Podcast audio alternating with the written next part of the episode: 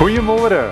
Ons is besig met ons reis met lent hierdie jaar en ons praat oor vrede hierdie week en spesifiek vanmôre vrede as 'n ingesteldheid. Nou die woord van die Here leer vir ons dat in Matteus Jesus gesê salig is die vredemakers want hulle sal kinders van God genoem word.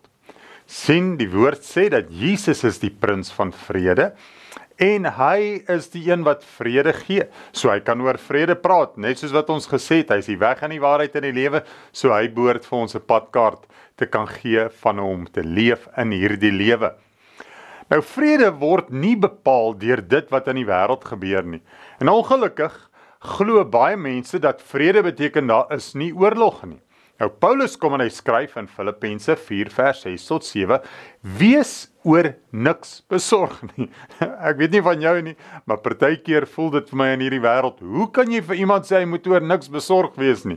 Hy sê maar laat julle begeertes in alles deur gebed en smeking met danksegging bekend word by God. En die vrede van God wat alle verstand te bowe gaan, sal julle harte en julle sinne bewaar in Christus Jesus. Is dit nie goeie nuus nie? Hy sê God se vrede sal my hart en my gedagtes bewaar.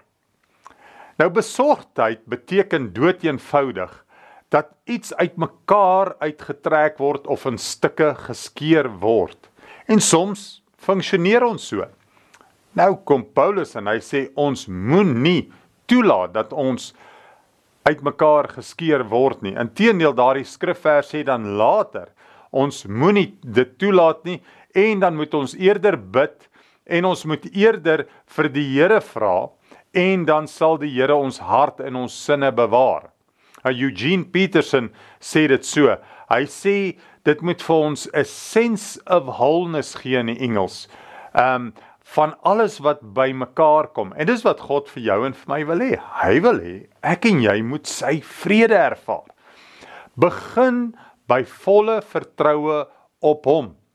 Nou onthou nou, geloof beteken om volle vertroue op God te hê dat hy vir my sal sorg en dat hy sal sorg dat ek dit kan dra.